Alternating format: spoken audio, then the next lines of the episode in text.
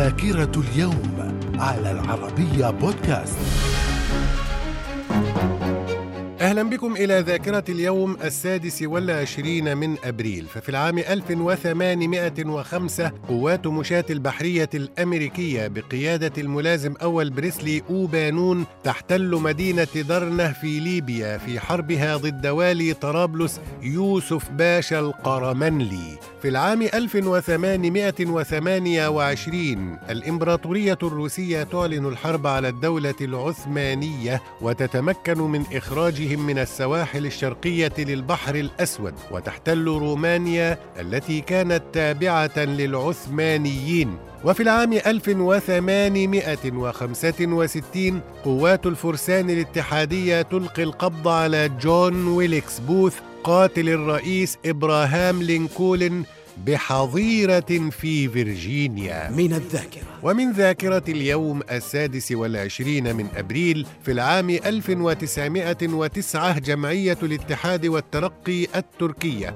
تعزل السلطان عبد الحميد الثاني وتنصب أخوه محمد رشاد سلطانا مكانه في العام 1945 وقوع معركة بوتسن وهي آخر هجوم ناجح للدبابات الألمانية في الحرب العالمية الثانية. وفي العام 1962 انضمام الجمهورية العربية اليمنية لمنظمة الأمم المتحدة للتربية والعلوم والثقافة اليونسكو. وفي العام 1963 تغيير الدستور في ليبيا وتحولها إلى دولة تضم ثلاث ولايات تحت اسم المملكة الليبية المتحدة. في العام 1964 تنجانيقا وزنجبار تتحدان لتكوين تنزانيا. في العام 1986 انفجار مفاعل تشيرنوبيل الأوكراني. من الذاكرة. وفي ذاكرة السادس والعشرين من أبريل في العام 2005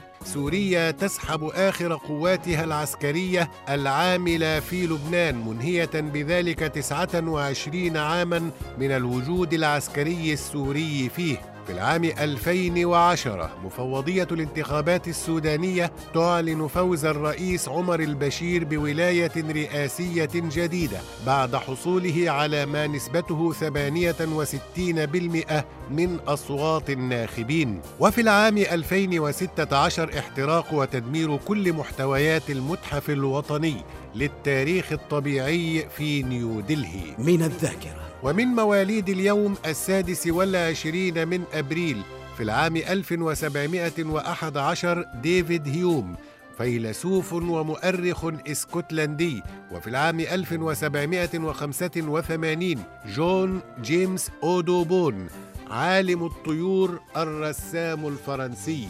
وفي العام 1798 ولد ديلا كروا الرسام الفرنسي وفي العام 1953 ولدت الممثلة والراقصة الشرقية المصرية فيفي عبده. من الذاكرة. وفي السادس والعشرين من أبريل من كل عام يحتفل باليوم العالمي لحقوق الملكية الفكرية. من الذاكرة. إلى اللقاء.